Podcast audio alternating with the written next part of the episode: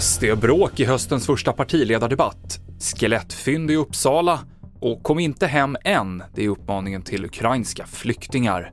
Det här är TV4-nyheterna. Ja, vi börjar med att berätta att skelettdelar från en eller flera människor har hittats på en byggarbetsplats i Uppsala. Det handlar troligen om ett arkeologiskt fynd, men det går inte att utesluta att det är mer nutida och i så fall kan det handla om mord eller dråp, säger polisen. Nu ska det här fyndet åldersbestämmas, något som kan ta flera veckor. Idag så är det partiledardebatt, den första sedan den nya regeringen tillträdde.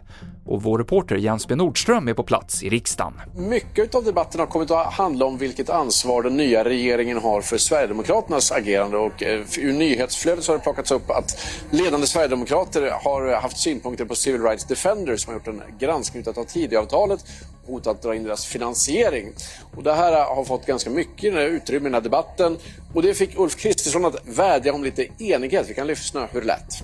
I Sverige behöver vi mer av samling, mindre av splittring, mindre av polarisering och mindre av hårt tonläge. Mer av äkta oenighet som pekar på riktiga vägskillnader där vi tycker så. Att tala om mindre polarisering, Ulf Kristersson.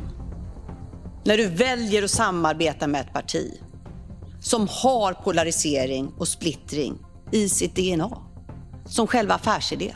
Sist hörde vi Magdalena Andersson. Och ukrainska flyktingar uppmanas nu av sin regering att vänta med att återvända hem.